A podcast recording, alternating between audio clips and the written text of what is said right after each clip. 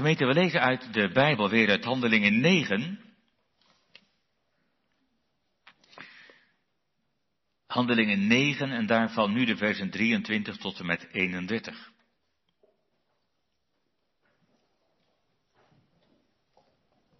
Handelingen 9 vanaf vers 23.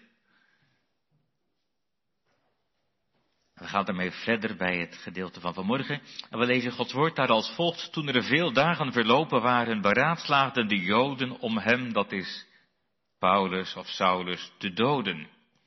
Maar hun samenzwering werd dan Saulus bekend. En ze bewaakten de poorten, zowel overdag als nachts, om hem te kunnen doden. Maar de discipelen namen hem s'nachts mee en lieten hem door een opening in de muur neer door hem in een mand te laten zakken. Toen Saulus nu in Jeruzalem gekomen was, probeerde hij zich bij de discipelen aan te sluiten. Maar ze, waren allen bevreesd voor hem, want ze geloofden niet dat hij een discipel was. Maar Barnabas nam hem onder zijn hoede, bracht hem naar de apostelen en vertelde hun hoe hij onderweg de Heere gezien had, dat hij tot hem gesproken had en hoe hij in Damaskus vrijmoedig had gesproken in de naam van Jezus. En hij ging in Jeruzalem met hen in en uit. En hij sprak vrijmoedig in de naam van de Heere Jezus. Ook sprak en reden twiste hij met de Grieks sprekenden, maar die probeerden hem te doden. Maar toen de broeders dit te weten kwamen, brachten ze hem naar Caesarea en stuurden hem vandaar weg naar Tarsus. De gemeenten dan in heel Judea, Galilea en Samaria hadden vrede en werden opgebouwd en ze wandelden in de vrezen des Heren, de vertroosting door de Heilige Geest en namen in aantal toe. De tekst voor de preek is vanaf vers 27. Maar Barnabas nam hem onder zijn hoede en bracht hem naar de apostelen. Het thema voor de preek is omzien naar elkaar en dan met twee kernwoorden ontferming en voorspraak. Ontferming en voorspraak. En voor de kinderen die het boekje erbij hebben, kijk het thema, daar wordt natuurlijk gevraagd, wat is het thema? Omzien naar elkaar. En ook al die twee woorden die in de preek terugkomen, ontferming en voorspraak. Omzien naar elkaar, ontferming en voorspraak. Handelingen 9, vers 27. Gemeente, het heilig avondmaal betekent de gemeenschap, dat is de verbondenheid met Christus als het hoofd. Dat in de eerste plaats. Het formulier zet dat ook heel scherp, heel duidelijk neer. En tegelijk betekent het ook de gemeenschap met elkaar, de verbondenheid met elkaar als leden van het lichaam. Trouwens, jongens en meisjes, als je dan je kerkboekje hebt, dan zie je een, een heel bijzonder plaatje staan van een kerk. Ik had dat nog nooit zo gezien. Maar die kerk, die is niet gemaakt van stenen. Maar als je goed kijkt, dan zijn het allemaal mensen. Dat is heel belangrijk. Natuurlijk hebben we een gebouw van stenen, maar ten diepste is het in de kerk niet om, om stenen of een gebouw, maar de mensen, de leden van het lichaam van Christus. Nu wil dat niet zeggen dat je die verbondenheid altijd intens ervaart. Soms kan het zelfs de verbondenheid met Christus dat dat ver weg lijkt. En wat is het heerlijk als het aan de tafel vernieuwd wordt. Of misschien in de week daarna. Maar je hebt het nooit op zak.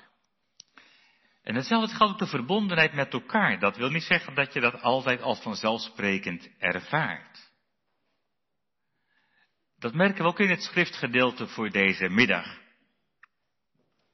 En juist die vinden we belangrijke lessen in dat omzien naar elkaar. En dan vooral die twee kernwoorden ontferming en voorspraak. Ontferming en voorspraak. Nou, als je handelingen 9 leest, dan zou je kunnen denken, die vlucht van Paulus vanuit Damascus naar Jeruzalem, dat is allemaal kort na zijn bekering. En toch merk je al bij Lucas, Lucas is een schrijver van handelingen, dat hij Dat hij denkt aan een langere tijd. In vers 23 staat er dat, dat er veel dagen verlopen waren. En meer vertelt Lucas daar niet van, maar Paulus geeft zelf meer details. In de brief aan de Galaten, Galaten 1, de versen 15 tot 18, dan vertelt hij dat hij eerst vanuit Damascus naar Arabia reist. En dat is niet Saoedi-Arabië, of wat we vandaag Arabië noemen. Het gaat om wat we zouden zeggen Syrisch, Arabië, het rijk toen van de Nabateërs. Maar het is eigenlijk het gebied ten oosten van de Jordaan en van de Dode Zee. Het is ongeveer het gebied wat we vandaag de dag Jordanië noemen. Dus ten oosten van het beloofde land. En dat is niet zomaar. Hij vertelt er zelf ook van dat hij heel bewust niet meteen naar Jeruzalem ging. Waarom niet? Omdat het hem niet ging om de goedkeuring van de mensen. Al waren dat de apostelen zelf. Hij wilde niet afhankelijk zijn van wat mensen van hem dachten of zeiden. En zich ook niet afhankelijk opstellen, zelfs niet van de apostelen. Volkomen vrij van mensen. Het ging hem om wat God ervan zei. Dat is ook een les. Dat je niet afhankelijk bent van wat mensen van je denken of zeggen, maar wat Hij ervan vindt. Daarom is dat gebied in Arabië, Jordanië zouden we zeggen. En dan, dan gaat hij vandaar terug naar Damascus in Syrië. 250 kilometer ten noorden van Jeruzalem. En, en als hij dan terugkeert, dan escaleert de zaak. Wat het geweest is, weet ik niet. Of dat nou lag aan het optreden van Paulus, dat zou best kunnen. Want blijkbaar is hij nog niet geschikt voor het zendingswerk. Dan gaat het nog weer heel wat jaren duren voordat Paulus uiteindelijk uitgezonden zou worden. Het is als een vurigheid blijkbaar en er gebeurt iets, het escaleert en het gaat helemaal mis. En, en wordt gezocht, ze willen hem doden. En met gevaar voor zijn leven moet hij vluchten in het holst van de nacht. En de broeders en de zusters in Damascus helpen hem wel te vluchten, maar je denkt ergens, waarom laten ze hem helemaal alleen gaan? Waren ze ergens een beetje blij dat ze van hem af waren? Ik weet het ook niet. En waarom geven ze geen aanbevelingsbrieven mee voor de gemeente in Jeruzalem? Dat zou voor Paulus niet zo makkelijk zijn geweest. Het waren ook voor hem lessen, vest op prinsen geen betrouwen. Zelfs niet op kinderen van God. Moederziel alleen komt Paulus in Jeruzalem. Alhoewel eenzaam, maar zult u zeggen eenzaam, maar niet alleen. Want ik weet aan wie ik mij vertrouw. Ja, maar waar kan die heen? Bij zijn oude vrienden hoeft hij niet meer aan te kloppen. Die willen niets van hem weten. Ja, vermoedelijk is er nog wel familie van Paulus in de stad. Later, dan duikt er ineens familie van hem op. Maar is die daar nog welkom? Het lijkt maar het beste om contact te zoeken met de christenen in Jeruzalem, de discipelen. Je zou verwachten dat ze wat gehoord hebben van wat er gebeurd is in zijn leven, die ingrijpende verandering. En, en je kunt je toch wel ergens indenken dat Paulus min of meer verwacht dat ze hem met open armen zullen ontvangen. Als een wonder van God, een echte bekering, een krachtige bekering. Maar dat valt bitter tegen. Als Paulus binnenkomt, dan lijkt het of de sfeer bevriest. Met verschrikte ogen kijken ze hem aan en ze herkennen hem, dat is hem, onze grote vijand. Ze weten hoe hij huis gehouden heeft in Jeruzalem, hoeveel kwaad hij de gemeente aangedaan heeft. En misschien zijn er wel familieleden gearresteerd door hem. Misschien wel mishandeld door hem. Zijn komst veroorzaakt schrik en angst. Vers 26. Alsof een wolf verschijnt in een schaapskooi. Nou, we weten in Nederland helaas weer wat dat is. Maar zo zien ze Paulus als een wolf in schaapskleren. Ze kunnen zich niet voorstellen dat zo'n hardgrondige vijand van Christus nu te vertrouwen zou zijn. En ze kunnen niet geloven dat hij werkelijk een discipel is geworden. Vers 26. En dat woordje discipel, dat betekent niet die twaalf die inmiddels apostelen genoemd worden, maar dat betekent eigenlijk gewoon leerling van Christus, leerling van Jezus. We zouden zeggen een christen of een, een gelovige. Misschien hebben ze in Jeruzalem wel gebeden voor de bekering van die vervolger Paulus. Net als je wel eens kunt bidden voor juist de meest hardgrondige vijanden van het christelijk geloof.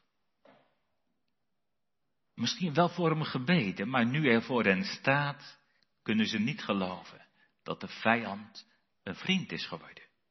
Wat moet je daarvan denken? Valt dat niet een beetje tegen? Is dat nou die gemeente die vol is van de Heilige Geest? Is dat nou die nieuwtestamentische gemeente waar we vaak zo'n ideaalbeeld van hebben? Is dat nou de vrucht van de Geest? Je kunt natuurlijk een hard oordeel vellen over die gemeente in Jeruzalem. Maar is dat niet een beetje goedkoop? Is dat dan wel de vrucht van de Geest? Als wij vanuit onze comfortabele positie ons oordeel vellen over de christenen in Jeruzalem.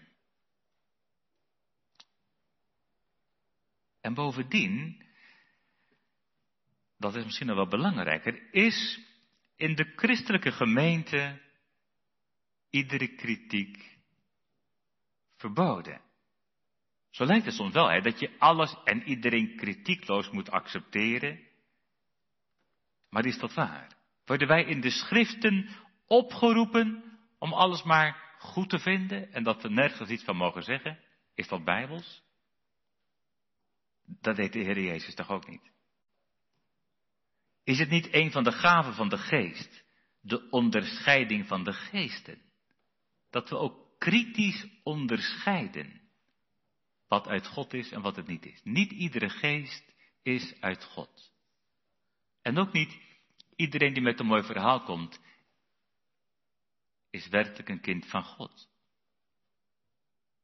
De christelijke liefde betekent niet dat je geen kritische vragen zou mogen stellen. Dat mag je nooit tegen elkaar uitspelen. Soms moeten er kritische vragen worden gesteld.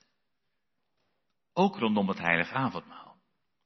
Kritische vragen over ons geloof. Is dat het oprechte geloof of niet? Kritische vragen over de levenswandel zoals je nu leeft. Kan dat samengaan met het heilige avondmaal of niet? Dat heeft te maken met echt omzien naar elkaar. Waar dat ontbreekt, die kritische vragen, ontbreekt ook de liefde. Dat is meer onverschilligheid. De echte liefde geeft om de ander. Dan moet je soms ook kritisch zijn. Maar dat is heel wat anders dan die akelige, achterdochtige houding die je soms ook ziet. Dat achterdochtige, dat altijd alles van een ander in twijfel trekt, behalve van zichzelf. Alsof je zelf geestelijker en heiliger bent. Ik vond het heel mooi wat ik las bij Matthew Henry. Die zegt dan, hij zegt je moet het juiste midden zoeken tussen achterdocht en goedgelovigheid. Maar dan zegt hij, het lijkt me veiliger om het te vergissen aan de barmhartige kant dan aan de onbarmhartige kant. Want zegt hij, het is toch een uitgemaakte zaak in de Bijbel dat je beter onkruid tussen de tarwe kunt laten staan, dan dat je tarwe uittrekt en van de akker verwijdert.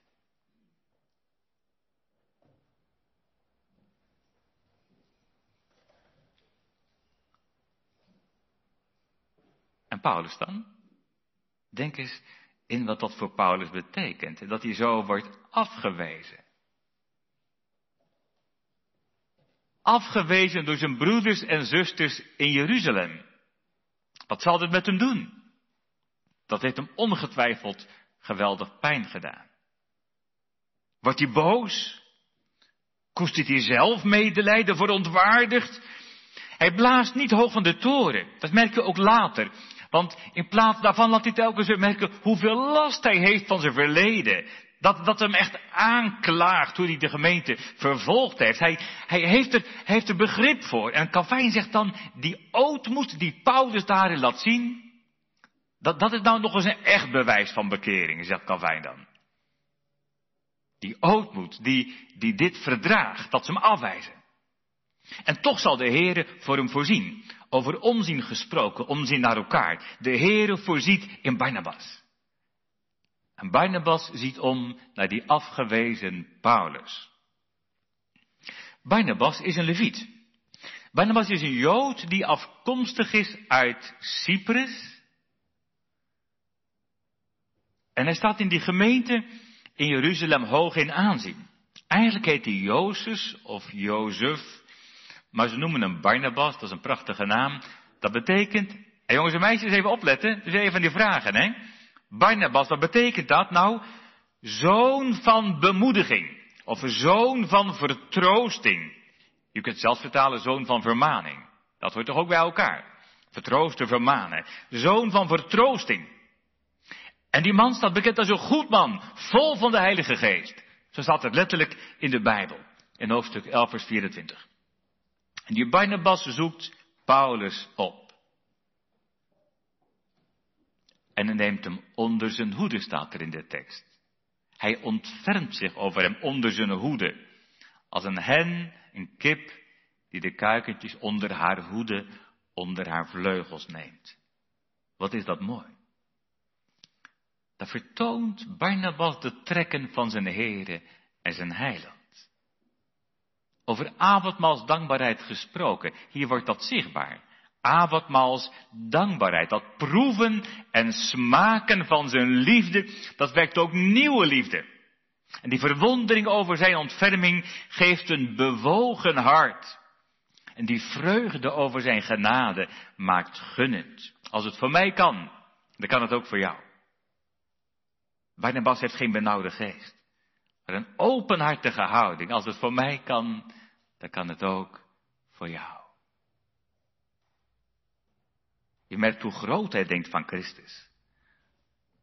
Voor Christus bestaan er geen hopeloze gevallen. En Barnabas laat zich niet leiden door angst. Ook niet door achterdocht, maar door de liefde van Christus. En dat is altijd liefde die scherp ziet. Maar zich ontfermt. Liefde die zich ontfermt over de ander als een vrucht van de Heilige Geest. En je merkt dat hij echt geïnteresseerd is in Paulus. Want er staat in vers 27 dat Barnabas de apostelen vertelt wat er in het leven van Paulus is gebeurd. Dus Barnabas doet het woord als een voorspraak, ontferming en voorspraak. En hoe weet Barnabas dat allemaal? Wat dacht u? Hoe weet hij dat allemaal? Ja, dat heeft hij gehoord. Van Paulus. Blijkbaar kan Barnabas heel goed luisteren. Hij is geïnteresseerd in Paulus. Hij wil het weten. Niet meteen met je eigen oordeel komen, maar eerst maar eens luisteren wat de ander te vertellen heeft. En Barnabas merkt al heel gauw dat Paulus een heel andere man is dan hij. Een man met een heel ander karakter. Die Paulus, dat, dat was soms vuurwerk.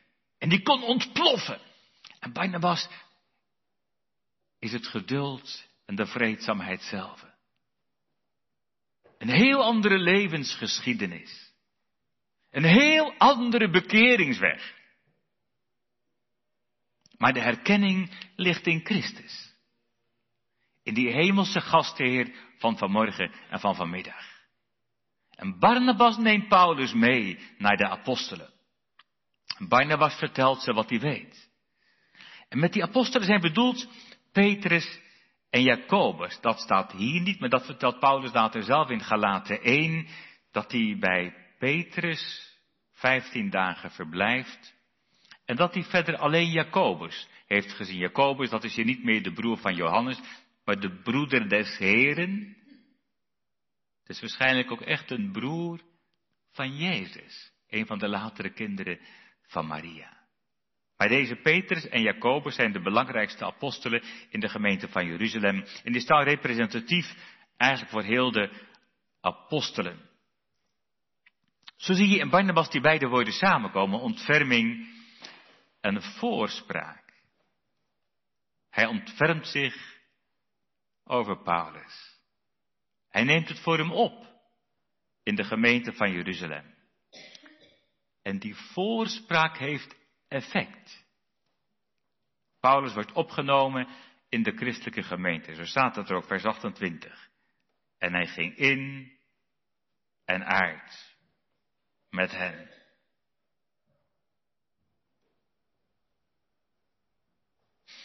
Nou, zegt u, dat is toch een mooi einde voor de preek? Toch? Een mooi voorbeeld. En dan gaan we naar huis, dat moeten we doen. Een mooi voorbeeld. Toch? Dat is de boodschap van de preek, dat moet u maar doen. Ga heen en doe gij even zo. Nou, daar heb je trouwens je handen vol aan. Maar dan, dan blijft het eigenlijk steken. In wat wij moeten doen, toch? Dat zou toch wel heel arm zijn, toch? Als dat alles is, dan gaan we aan het hart van het evangelie voorbij. Het gaat toch om oneindig veel meer dan een mooi voorbeeld. Het gaat ook hier om Christus. En als je hier het woord leest, mag je niet stoppen voordat je hier Christus gevonden hebt. Het gaat om wat Hij heeft gedaan, juist deze avondmaalzondag. Het gaat om Zijn ontferming. Het ging toch over omzien naar elkaar. Het gaat om Zijn omzien naar ons. Het gaat om Zijn ontferming, om Zijn voorspraak, om Zijn redding, om Zijn verzoening, om Zijn verlossing. Het gaat om Christus, net als vanmorgen, Christus centraal. Het gaat om Zijn gebroken lichaam, om Zijn vergoten bloed, om het evangelie van de rechtvaardiging, en niet van de mensen die het allemaal zo goed doen, maar van de goddelozen. Door het geloof alleen. Om het evangelie waarin Christus schittert. Niets van mij, alles van Hem. Daar ligt ten diepste de bron van het handelen van Barnabas. Als hij vol is van de geest, dan kun je ook zeggen, hij is vol van Jezus. Hij is vol van Christus. Het gaat hem om Hem, kruisigde, die is opgestaan. En, en dat is niet alleen de bron van het handelen van Barnabas. Maar daar ligt ook de diepste verbondenheid tussen Barnabas en Paulus. Daarin hebben ze elkaar gevonden.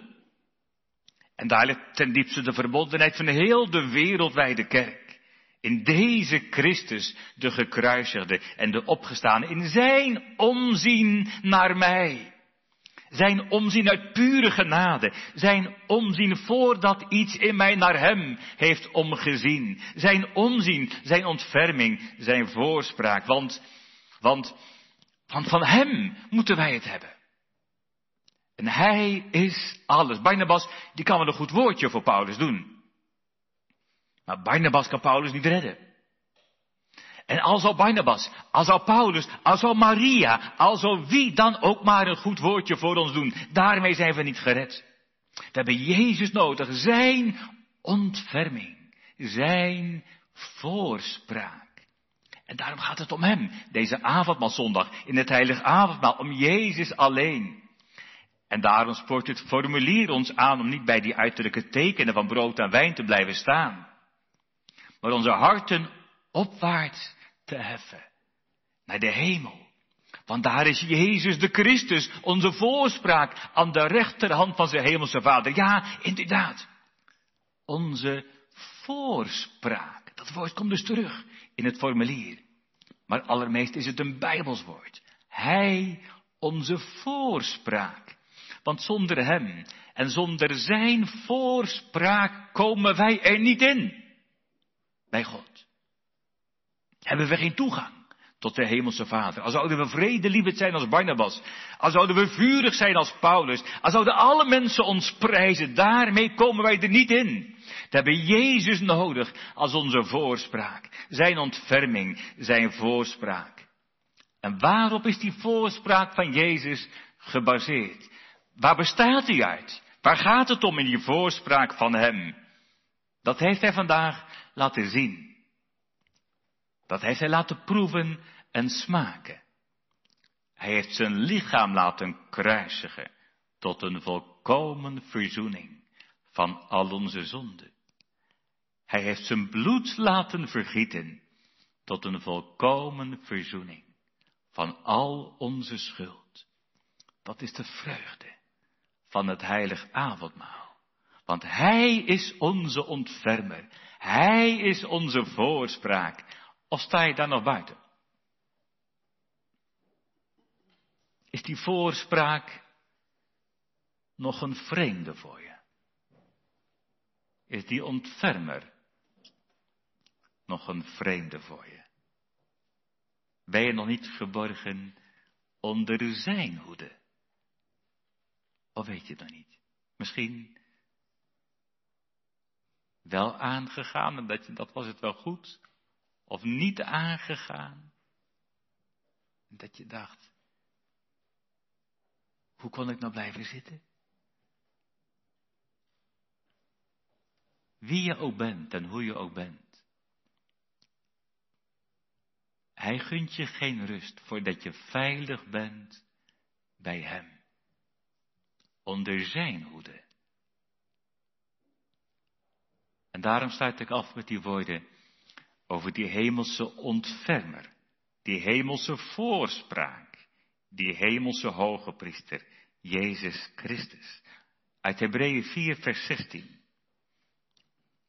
Laten wij dan met vrijmoedigheid naderen tot die troon der genade, opdat we barmhartigheid verkrijgen en genade vinden om geholpen te worden op het juiste tijdstip. Want Jezus is onze ontfermer. En Hij is onze voorspraak. Amen.